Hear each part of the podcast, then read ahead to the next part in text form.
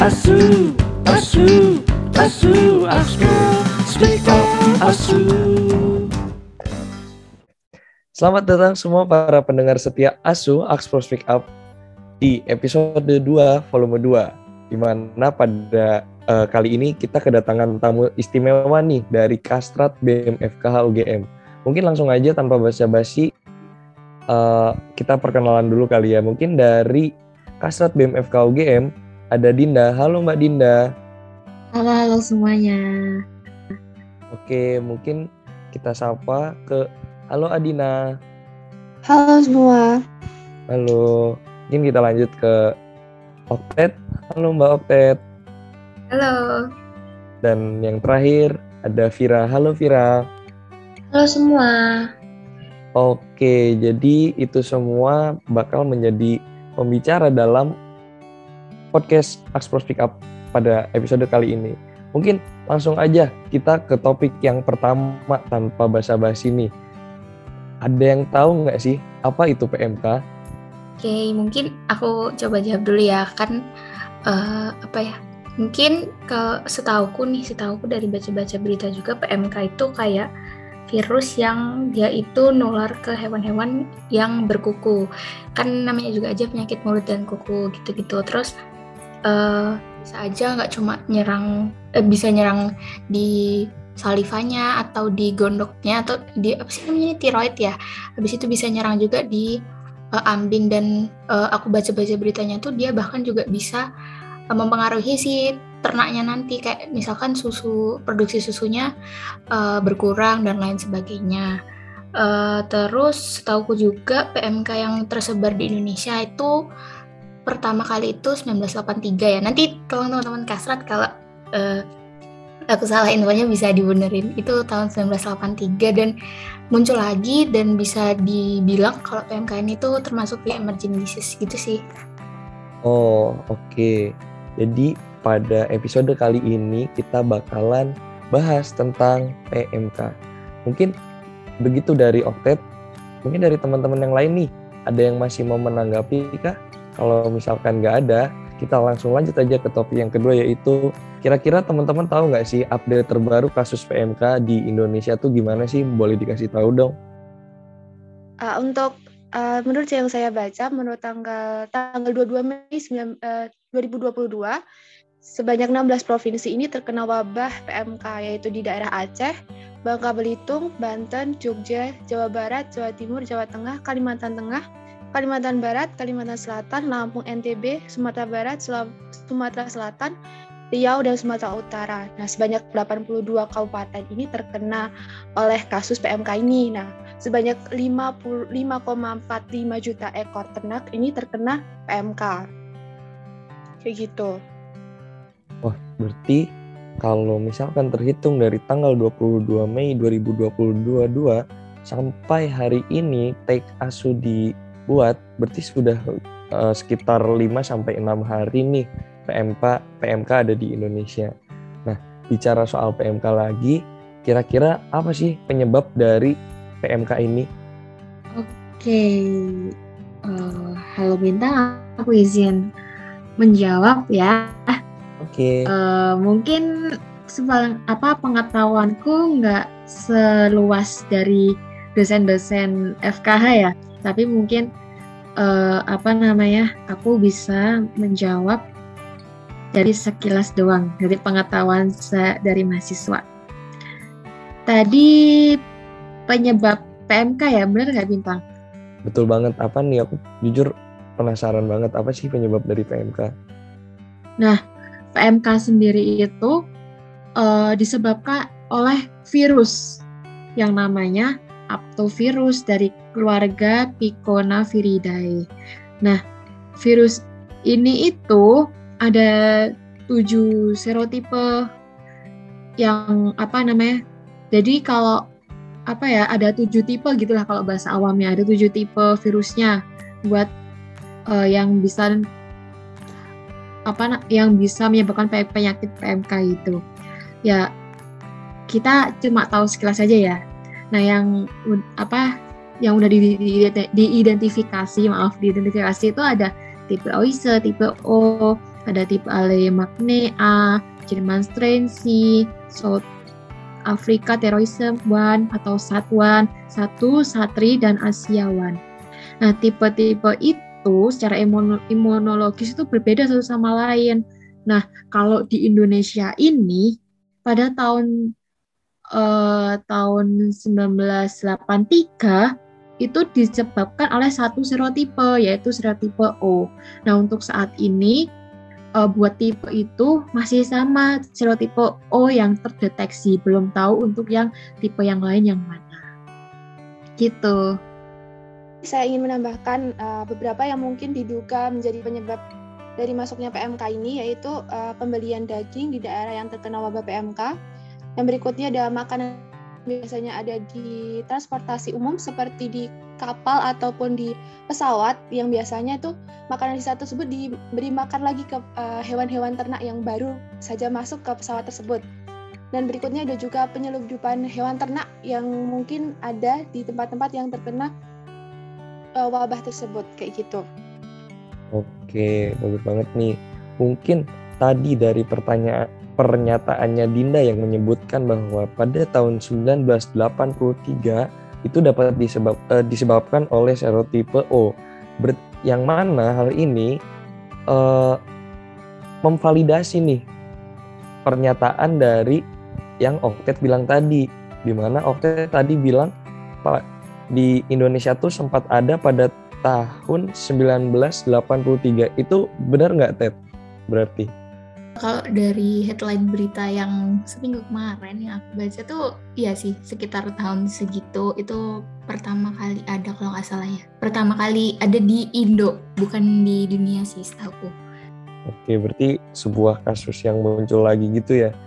Mungkin tadi Oktet uh, udah baca sekilas tentang berita-berita di PMK nih.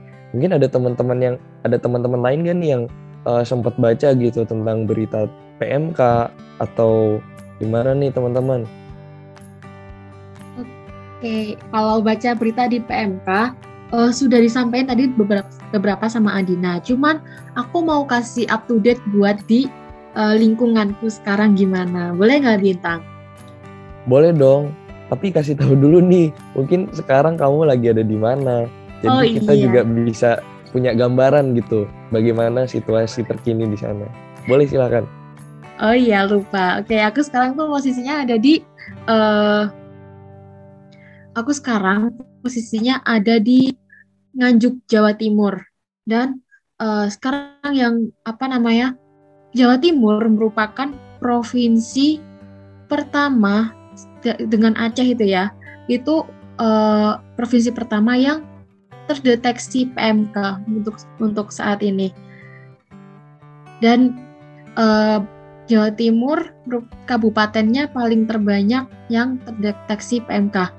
Untuk di wilayahku saat ini, kemarin, baru minggu kemarin, itu sudah muncul suspek, walaupun hanya satu atau dua sapi. Tapi kan kalian perlu kalian tahu kan, uh, virus PMK itu kan penyebarannya 90-100% sangat cepat. Jadinya pasar hewan di daerahku sekarang dan hampir semua pasar hewan di Jawa Timur sekarang udah ditutup dan tidak boleh beroperasi untuk sementara atau kalau kita disebut, biasanya sebut karantina dan eh, sapi-sapi yang udah ada di apa namanya udah pernah dijual di di pasar hewan tersebut itu harus dikarantina juga. Oh maksudku pasar sapinya di lockdown bukan karantina, karantina yang karantina itu sapinya gitu. Jadi kurang lebih kayak sapi sapi sekarang bukan sapi aja kambing juga itu sekarang ngalamin di mana kondisi kita lagi corona ya teman-teman ya. Jadi mereka juga ngerasain corona walaupun beda virus. Oke gimana nih Oktet? Oke, aku mungkin mau izin tanya nih, aku tertarik sih sama yang tadi Dinda katakan ya, kalau di Nganjuk itu jadi uh, salah satu kabupaten yang apa ya paling banyak suspeknya tentang PMK nih. Mungkin uh, apakah itu berpengaruh gitu di, di di daerahmu kayak mungkin daging sapi jadi langka atau jadi mahal karena kan uh, orang Indonesia sendiri ya, terutama kan kita pasti makannya kalau daging tuh pasti daging selain ayam ya, selain ayam kan pasti sapi atau kambing. Nah itu tuh berpengaruh nggak sih di jualan orang-orang jualan di pasar atau dan lain sebagainya gitu. Oke, uh, bentar aku jawab dari Okter dulu ya. Baru kemarin, baru kemarin aku ke pasar dan tanya-tanya harga daging. Uh, biasanya harga daging itu 60 per kilo dan sekarang jadi 70 ribu per kilo. Jadi uh, naik, baru naik 10 ribu. Dan itu juga kalau dari apa ya kalau dirasain ibu rumah tangga lumayan itu ya lumayan kerasa juga ya lumayan berat juga. Nah untuk kelangkaan dagingnya sendiri bel belum apa ya masih banyak masih banyak sapi potong di daerahku yang masih bisa untuk diperjualbelikan. Dan aku lihat daging-dagingnya juga segar dan tidak ada lesi apa pun. Jadinya ya uh, aku pikir ini masih bagus gitu dan belum sangat-sangat berdampak gitu. Dan aku rasa pemerintah juga cepat cekatan gitu untuk menangani PMK yang, yang aspek sapi yang tersuspek PMK maksudnya. Gitu jadinya belum belum langka kok oktet di sini. Cuman yaitu harga harganya agak naik jadi dari 60 ke 70 itu itu untuk di daerahku untuk di luar kabupaten aku kurang tahu ya, tapi kebanyakan pasar hewan di luar kabupaten juga lagi di lockdown, ditutup alias ditutup. Oke, tadi sempat kita dengar perbincangan dari Oktet dan Adinda ya. Mungkin Aldita nih, uh, Vira mau nanya apa nih? Oke, karena tadi Mbak Dinda itu sempat bilang kasus terupdate-nya di daerahnya, aku jadi keingat sesuatu. Jadi beberapa hari yang lalu, aku itu sempat pulang kampung gitu ceritanya di daerahku di Seragen, Jawa Tengah. Dan di situ aku dapat info dari orang tuaku bahwa ada sebuah kandang sapi di dekat rumahku. Itu ternyata ada satu kasus sapi meninggal dan sapi mati jadi itu menurut uh, untuk uh, masih diidentifikasi kayak dicurigai itu sebagai PMK. Jadi seperti yang dikatakan uh, Mbak Okta tadi harga daging atau daging keadaan daging sapi kebetulan uh, orang tua aku sendiri salah satunya ada yang bekerja di dinas uh, dinas kesehatan dan uh, beliau berkata bahwa keadaan daging sapi daerahku itu sedang kayak lebih memilih-milih lah. Jadi kemungkinan bakal kayak import daging gitu, mungkin kayak dari luar daerah, daging dari luar daerah kayak benar-benar memilah-milah daging yang baik gitu. Kalau update dari daerahku sih seperti itu dan uh, mungkin karena memang virus PMK sendiri itu tersebar sangat cepat seperti dikatakan Mbak Dinda tadi uh, 90 sampai 100 persen itu kalau aku lihat di berita dan hampir setiap aku nonton berita itu pasti virus PMK. Kalau teman-teman sadar ya, aku tuh setiap buka berita itu pasti uh, ada berita PMK dan pas itu berita PMK. Jadi memang PMK menurut aku sangat berpengaruh sekali bagi Indonesia sekarang. Jadi ya menurutku memang kita harus gimana caranya mencari uh, untuk penanggulangan PMK gitu aja sih. Oke, gitu dari daerah masing-masing nih dari Vira yang tadi dari Seragen dan juga Andinda yang dari Nganjuk. Sangat jujur ini sangat uh, apa ya? membuka wawasan banget sih. Nah, mungkin aku agak sedikit ngasih tahu bukannya sombong atau gimana nih mungkin untuk para pendengar Axpro. Tadi Adinda sempat bilang bahwa tidak terdapat lesi. Nah, mungkin buat teman-teman yang nggak tahu apa itu lesi. Lesi itu semacam luka. Jadi kayak ya dagingnya nggak ada lesi itu berarti nggak ada luka ya sehat berarti. Nah bicara soal lesi bicara soal kedokteran hewan atau uh, bicara tentang masa depan kita nanti nih kira-kira teman-teman tahu nggak sih apa sih gejala dari PMK ini? Buat teman-teman Oke, dari aku sendiri ya, dari ada beberapa yang aku baca. Jadi untuk gejala PMK sendiri itu ada beberapa. Yang pertama itu ada kepincangan akut dari hewan tersebut. Terus selanjutnya itu ada kayak air liur berbusa di lantai, di lantai kandang itu ada hiper salivasi, terus kayak salivat itu terlihat menggantung.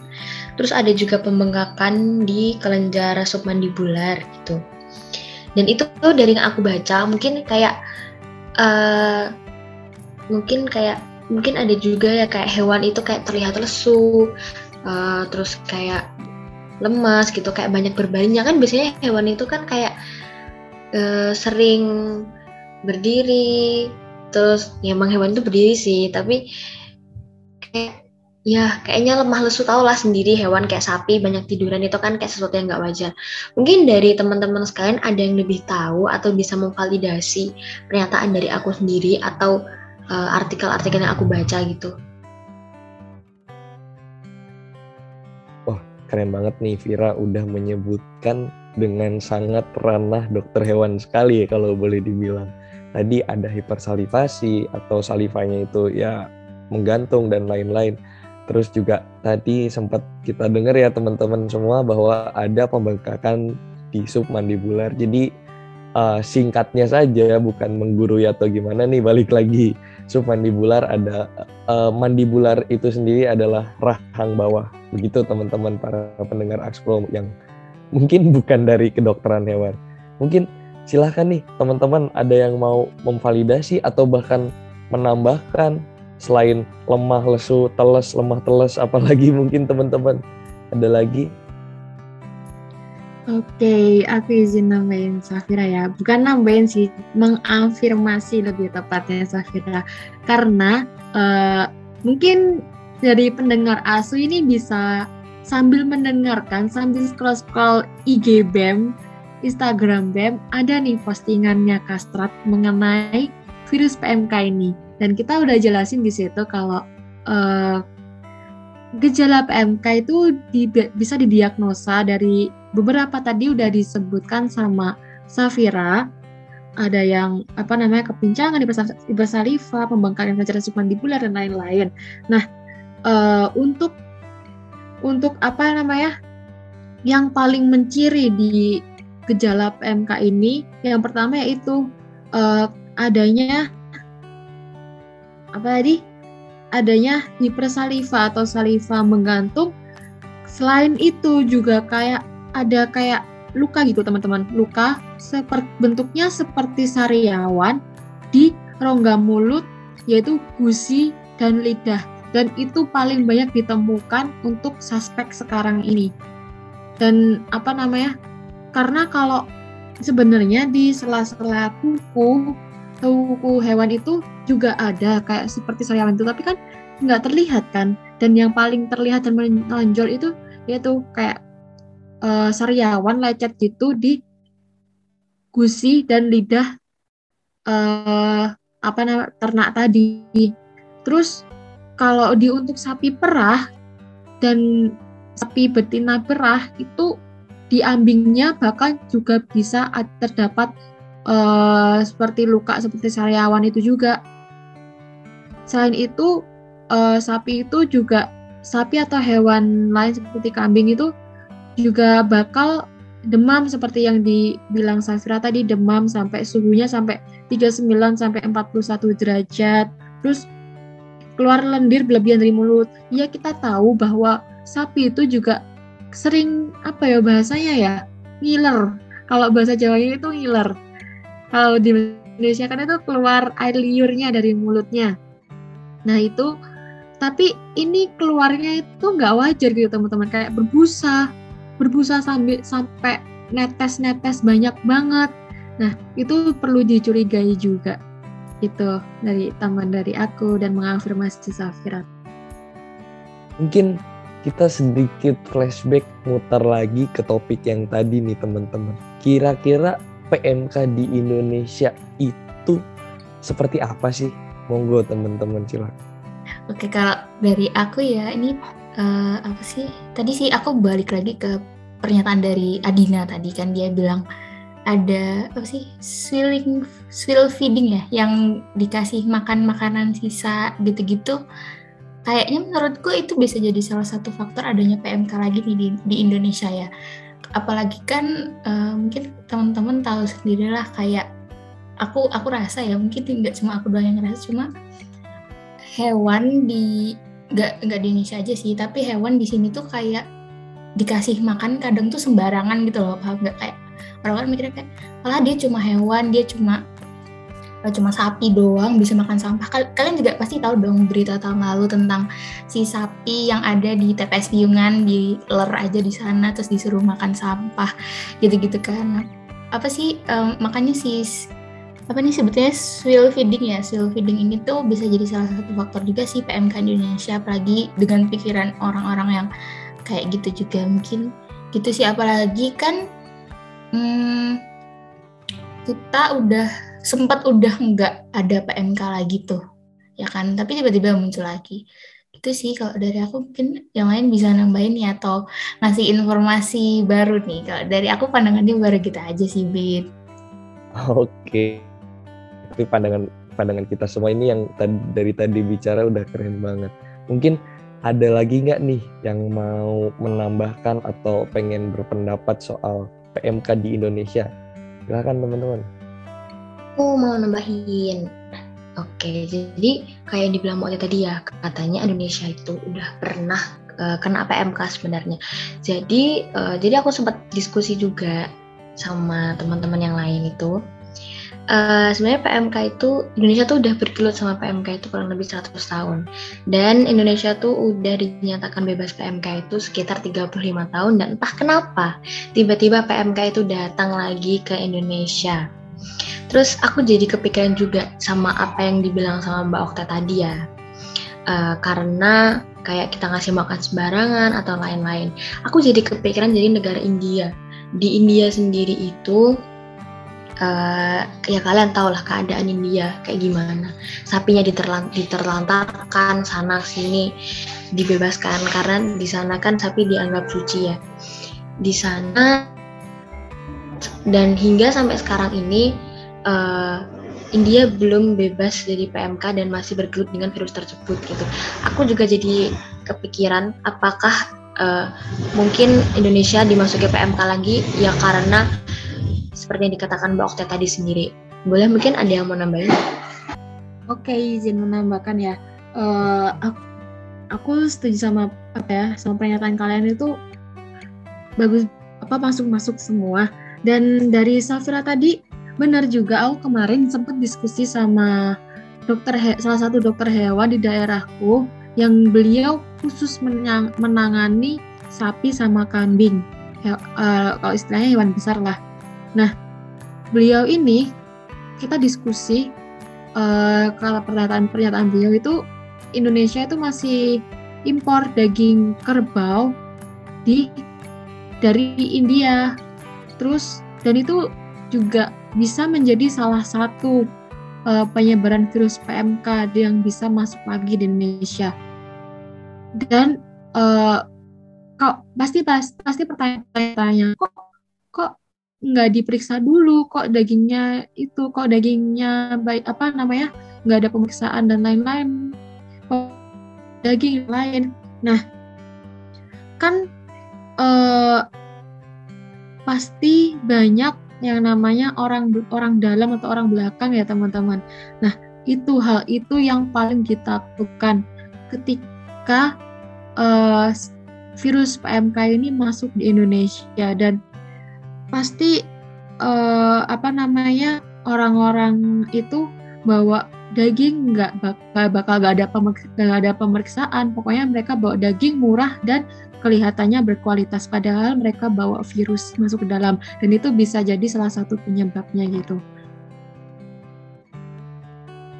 Nah, uh, cukup sebuah pendapat yang bagus ya menurutku karena uh, kita bisa melihat dari berbagai faktor gitu ada ya balik lagi ada orang dalam dan lain-lain dan jujur saya juga baru tahu bahwa Indonesia itu ternyata masih mengimpor daging dari India. Aku kira tuh Indonesia ya kalau soal kambing dan lain-lain masih oke okay lah. Cuman setahuku tuh sapi baru tuh impor biasanya dari Australia dan lain-lain. Dan ternyata uh, ada daging dari India juga di mana ya seperti yang tadi Vira katakan bahwa di India bukan diterlantarkan ya diksinya mungkin kalau aku tapi kalau menurut saya uh, dibebaskan di ya diubah lah sebagai penutupnya nih dari kita dari tadi berbincang soal PMK bla bla bla. Ada kepincangan ada air liur dan dan masih banyak lain sebagainya lah pokoknya. Dan juga tadi kita sudah terbebas bahwa Indonesia sudah terbebas dari PMK ini dari ya sekitar 35 tahun dan ternyata masuk lagi sebagai gomnya nih teman-teman. Sebagai ya penutup akhirnya. Gimana sih penanggulangan dari PMK ini? Silahkan teman-teman. Oke okay. uh, eh, oke okay, gimana Adina dulu aja deh. Tadi dia belum ngomong nih dari tadi. Oke okay. mungkin untuk penanggulangan PMK sendiri bisa dilakukan vaksinasi yang sudah dilakukan di, uh, sebelumnya yaitu vaksinasi massal ya terus selanjutnya juga mungkin dapat dipetakan uh, gitu wilayah-wilayahkan gitu. Mana yang sekiranya uh, berdampak mana yang sekiranya masih safe aman gitu mana yang sekiranya ada wabah yang harusnya zona merah kayak gitu. Juga mungkin harusnya ada undang-undang atau tentang PMK tersebut ya. Baik, oke. Mungkin dari Adina sudah. Nih, Oktet nih, tadi kayaknya kelihatan pengen ngomong banget nih. Sebenarnya aku pengen nanya pendapat aja sih. Tadi uh, masalah vaksinasi tadi yang disampaikan sama Adina. Kalau di tahun lalu, eh enggak tahun lalu sih, tahun 1983 silam, itu mungkin pemberantasan dengan PMK-nya uh, juga menggunakan vaksinasi massal kan. Nah, apakah jadi kan si si PMK ini kan re-emerging re-emerging disease kan yang udah ada terus tiba-tiba dia muncul lagi. Nah, apakah vaksinasi massal ini tuh masih uh, apa ya berpengaruh gitu loh terhadap PMK sekarang? Karena yang seperti aku ketahui ya, ya seperti aku ketahui pasti uh, virus itu dia nyerang uh, misalkan udah pernah diobati terus nanti dia bermutasi nah mutasi ini yang nyerang biar uh, si uh, hospesnya itu kena penyakit lagi gitu kayak covid lah istilahnya kayak dia kan ada banyak varian gitu kan ada yang beta terus omikron dan lain-lain. Pasti kan yang nyerang itu si mutasinya nah menurut teman-teman aja sih menurut Dinda, Dina, atau Vira, atau bahkan Bintang boleh boleh jawab juga sih kayak apakah vaksinasi massal ini tuh masih berpengaruh gitu terhadap PMK saat ini untuk saat ini? Gitu sih Bin uh, mungkin maksudnya Oktet tuh mutasi ini tuh kayak semacam kalau kita berkaca dari COVID gitu ya Ted kayak ada variannya dan dia katanya semakin kuat semakin kuat gitu bukan sih Ted? Ah iya betul betul. Kayak udah pernah diobatin tuh terus tiba-tiba dia nyerang lagi kan? Gitu sih. Iya iya. Jadi dia bermutasi semakin kuat semakin kuat lagi dan pertanyaannya Okte tadi apakah vaksinasi massal itu uh, masih bisa digunakan mungkin sebelum aku yang jawab nih sebelum pendapatku apakah dari Vira, Adina, dan Adinda pengen menjawab dulu? Pengen coba jawab. Oke, coba Vira. Monggo. Oke.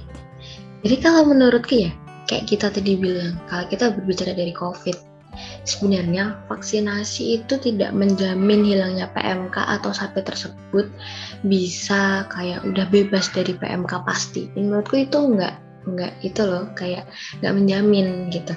Tapi menurutku dengan vaksinasi itu kita ada sedikit mencegah atau mengurangi penularan lah.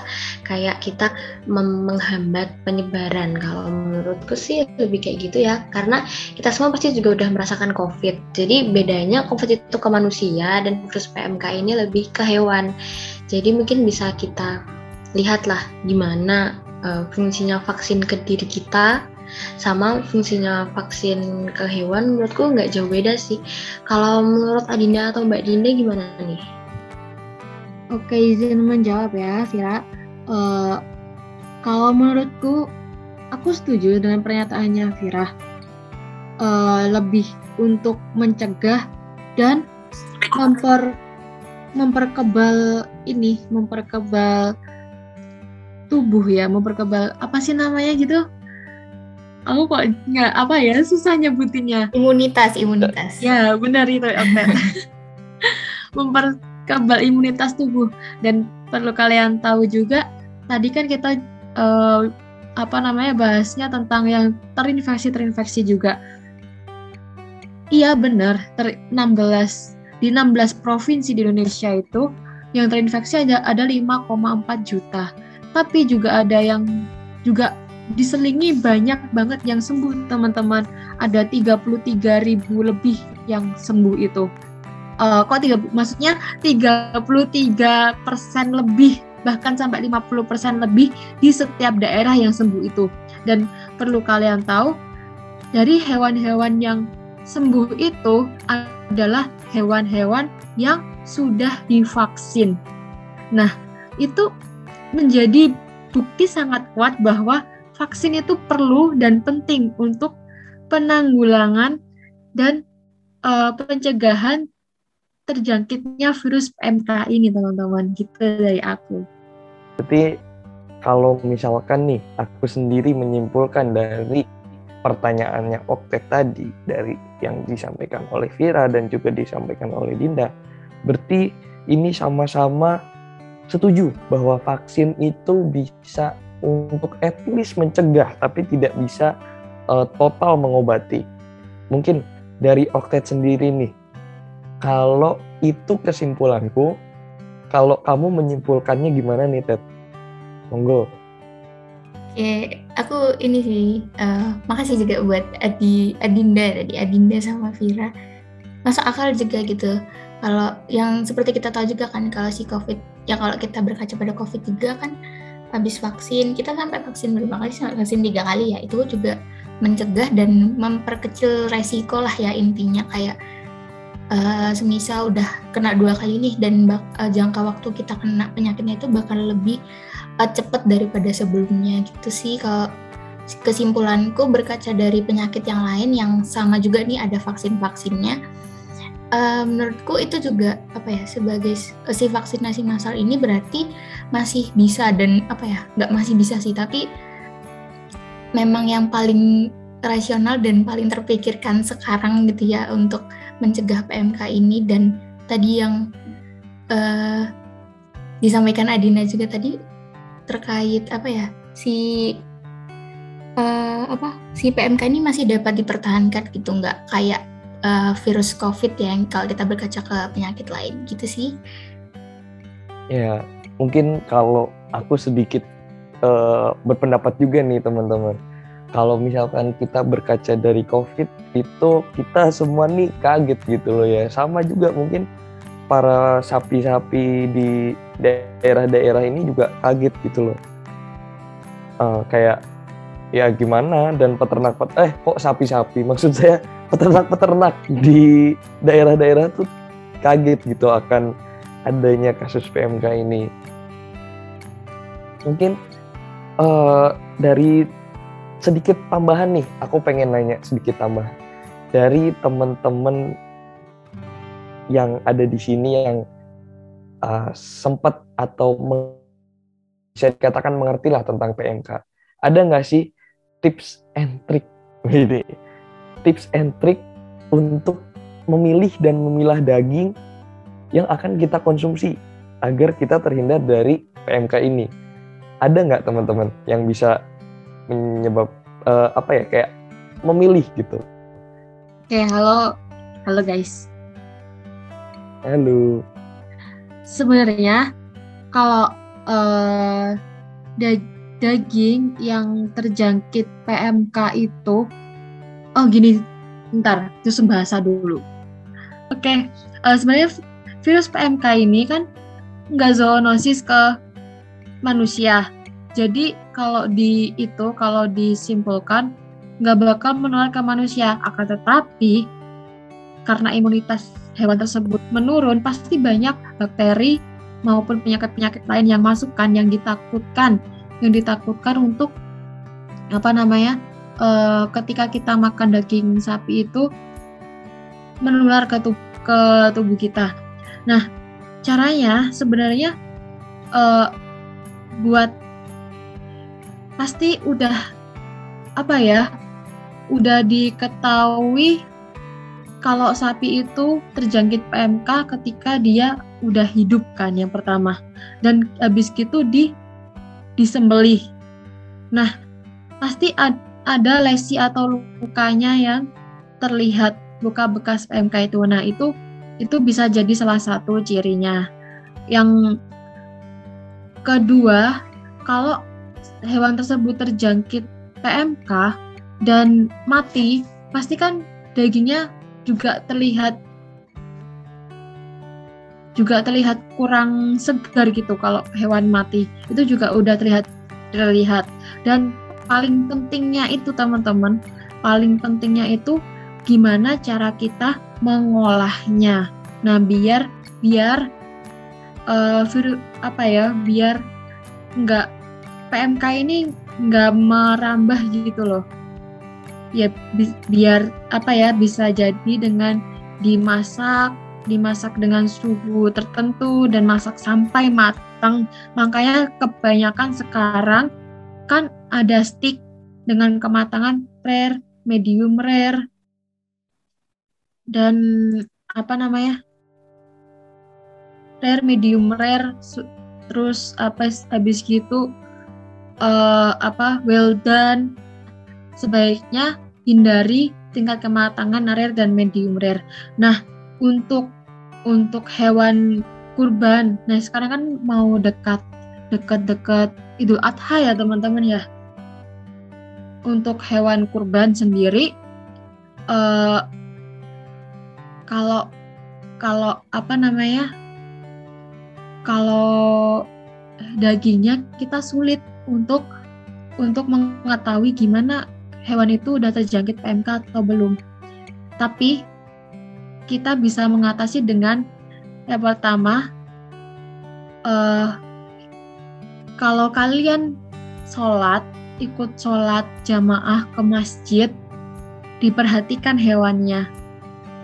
Hewan ini pasti orang awam pun bukan anak FK, eh, bukan anak keturunan hewan, pasti udah tahu kan hewan ini semangat, hewan ini punya apa ya, kayak uh, lincah atau hewan ini lesu kan pasti terlihat.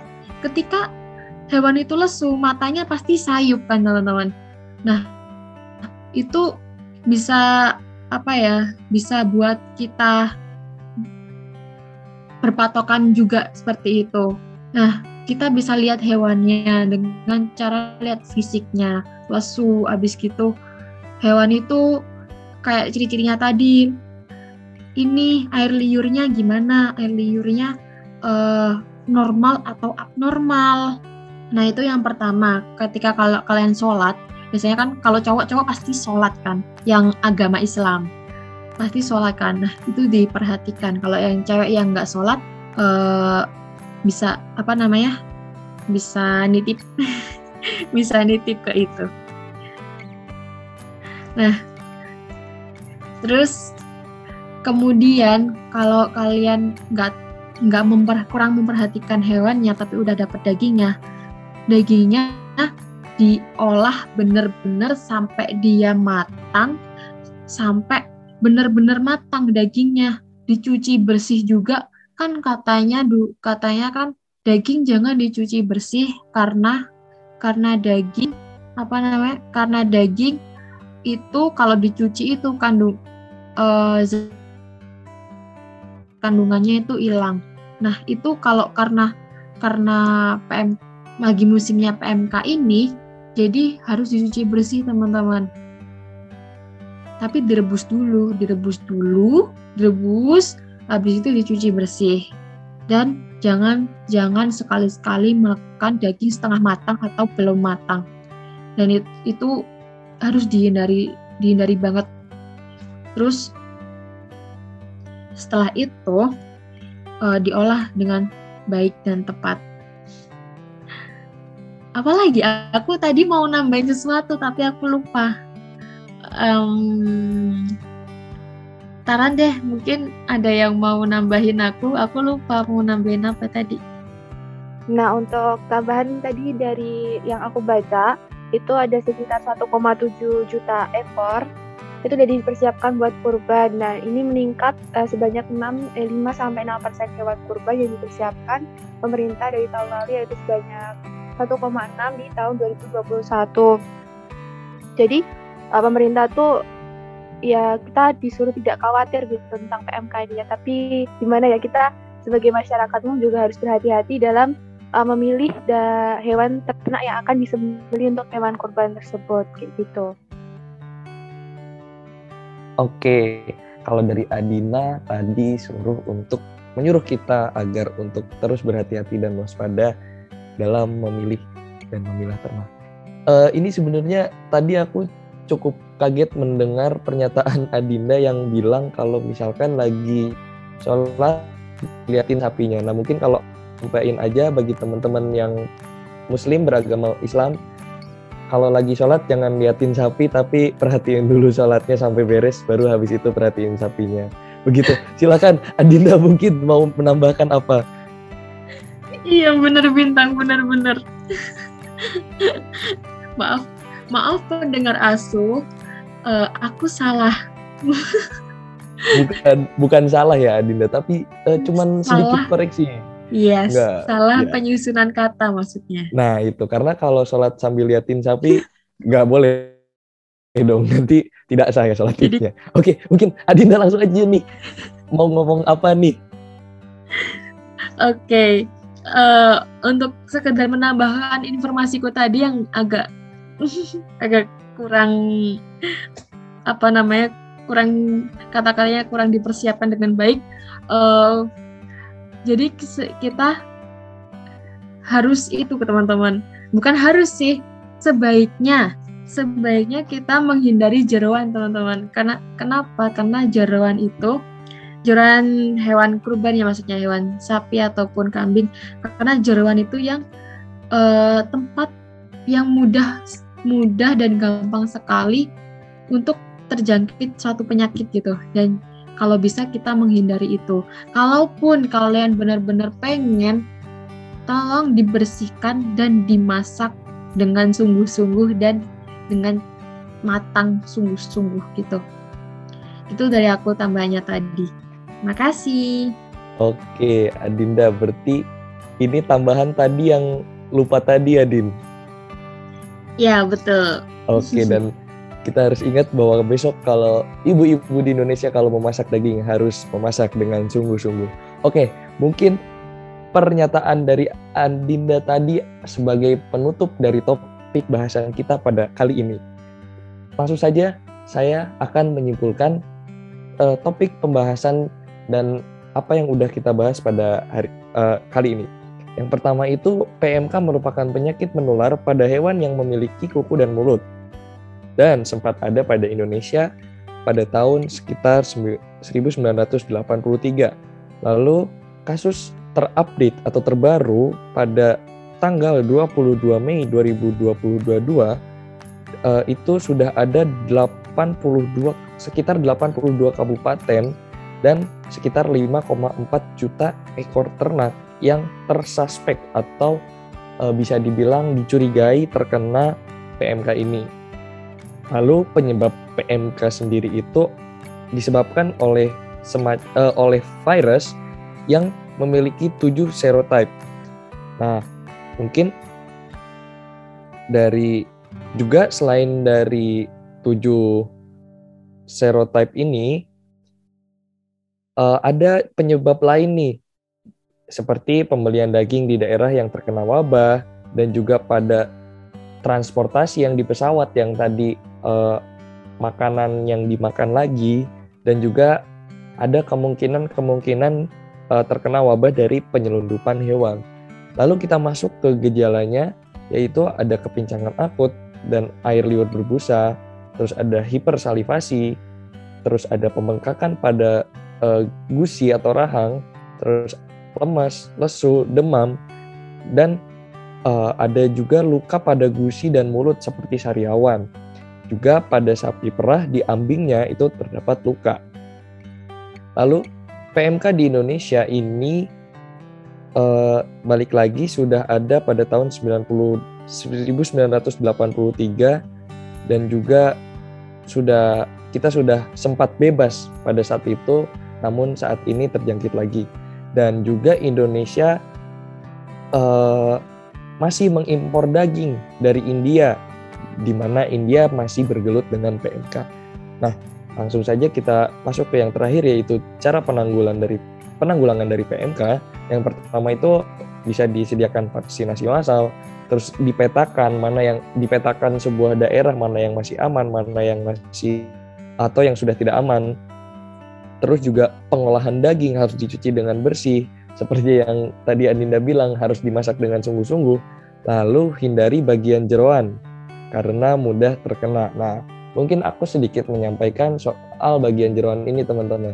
Jadi para untuk para pendengar Axpro, uh, semua daging yang kita konsumsi itu berbentuk karkas atau disebut dengan karkas. Nah, karkas ini itu pada dasarnya tidak ada jeroan, kaki dan ya uh, apa pun itu yang nggak dimakan. Jadi uh, sebenarnya hanya di Indonesia ya kita masih memakan jeruan-jeruan. Begitu teman-teman. Nah mungkin uh, untuk menghindari diri kita karena sebenarnya kasus ini tidak zoonosis tapi jangan lupa untuk mengolah daging ya itu harus dicuci dengan bersih. Nah mungkin segitu dulu dan segitu aja dari Axpro Speak Up pada kali ini. Sampai jumpa di episode-episode berikutnya. Sampai jumpa. Sampai jumpa. Dadah. Dadah.